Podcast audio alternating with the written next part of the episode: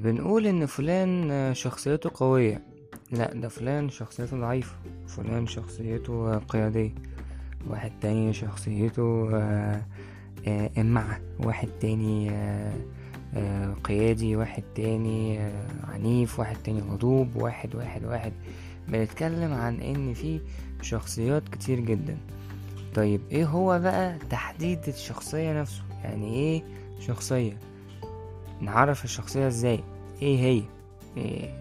ده اللي بيكلمنا عنه الفصل الأول من الوحدة آه، التالتة اللي عنوانه الشخصية وأساليب التوافق النفسي والاجتماعي في منهج الصف الثالث الثانوي.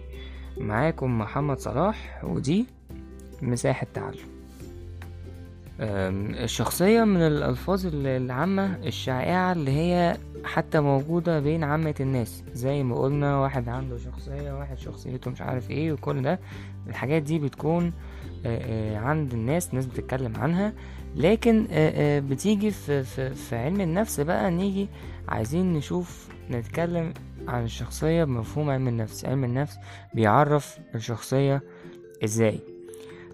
أول حاجة مفهوم الشخصية بت يعني مفهوم الشخصية برضو يعني يمكن آه، بيتحدد عن طريق الزاوية اللي هنشوف الشخصية منها.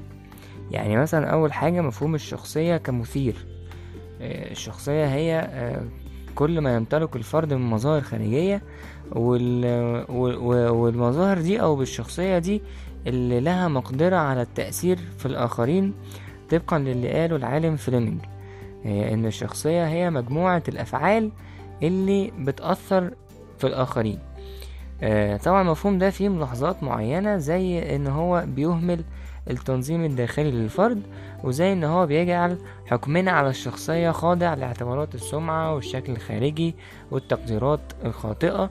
إن هو شايف بس إن الشخصية ديت مجرد ال- ال- التفاعل الخارجي بس.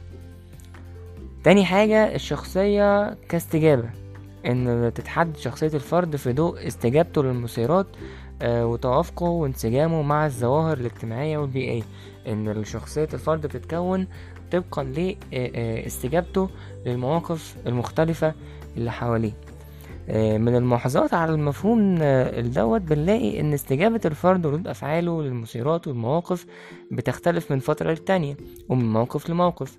برغم آه، إن برغم نفس المثير ممكن إن أنا آه، أستجيب ليه بشكل معين وفي وقت تاني في نفس المثير أستجيب ليه بشكل مختلف. فده برضو بيخلينا مش قادرين إن إحنا نوصل لمفهوم بالنسبة للشخصية كاستجابة. طيب أمال إيه بقى؟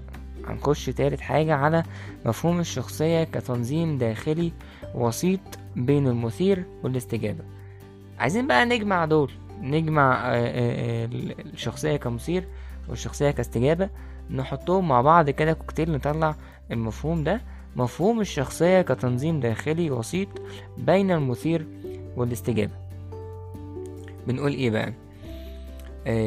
إن الشخصية هي تنظيم داخلي بيقوم على التفاعل والتكامل والتأثير المتبادل بين مكوناتها. يتوسط المثير والاستجابة التي يصدرها الفرد ومن أمثلة هذا النوع من مفاهيم الشخصية ما ذهب إليه ألبرت عالم اسمه ألبرت بيقول إن الشخصية دي هي التنظيم الدينامي داخل الفرد لجميع أجهزته النفس جسمية الذي يملي على الفرد طابعه الخاص والمميز له في السلوك والفكر. تعريف كبير وواسع لكن هنبدأ إن إحنا نفصصه حتة حتة. أول حاجة الشخصية كتنظيم دينامي. يعني إيه الجملة دي؟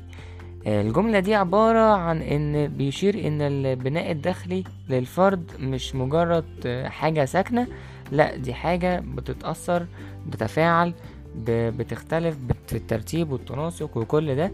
معنى كده إن الشخصية تنظيم دينامي مش ساكن. ر- بعد كده نخش على أجهزته النفس جسمية. يعني إيه النفس جسمية؟ آه، العبارة دي بتشير على إن تنظيم الشخصية بيتضمن التكامل بين أنظمة ومكونات الشخصية كلها في وحدة لا يمكن فصلها. المكونات بقى الوراثية والجسمية والانفعالية والفسيولوجية وكل ده. الأجهزة النفس جسمية دول كلهم في حاجة واحدة ما لا يمكن فصلها. نخش على الجملة اللي بعدها تملي على الفرد. يعني إيه تملي على الفرد؟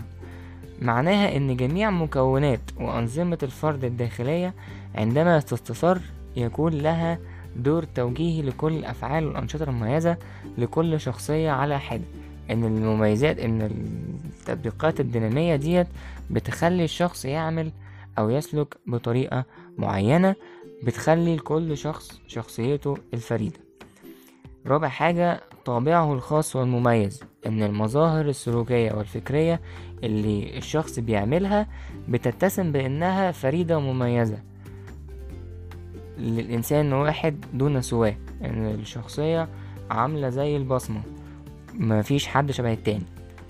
خامس حاجة في السلوك والفكر عبارة تعني إن كل ما يفعله ويغير من نشاطه الداخلي ليس ليجعل الفرد متوافقا مع البيئة فحسب بل يجعله قادرا على السيطرة والتحكم في الأحداث.